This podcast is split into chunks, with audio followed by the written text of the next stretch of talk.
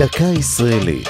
השבוע, יצחק נבון, במלאת מאה שנה להולדתו. והפעם, בוסתן ספרדי.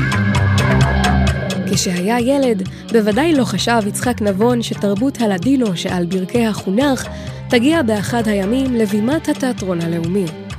הוא נולד בירושלים לפני מאה שנה לאב מטורקיה ולאם ממרוקו, וממסורתם שאב השראה לאחד מלהיטי התיאטרון בארץ, בוסתן ספרדי.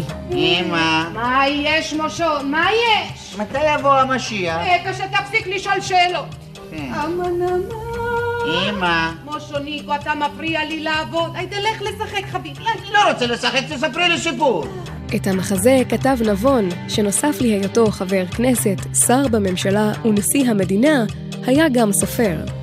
המפיק יעקב אגמון ראה מופע מוזיקלי אחר שכתב נבון בכותרת רומנסרו ספרדי, וביקש ממנו לכתוב מחזה שלם על יהדות ספרד.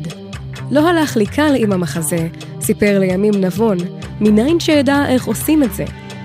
אולם שיחת עידוד קצרה מהמשורר נתן אלתרמן החזירה את הרוח למפרשיו, וכך קרם עור וגידים סיפור ההוואי בשכונת אוהל משה בירושלים בשנות ה-30, מתובל בשירים ובדיחות בלדינו.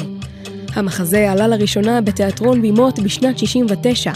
לרבים בארץ הייתה זו חשיפה ראשונה לתרבות יהדות ספרד.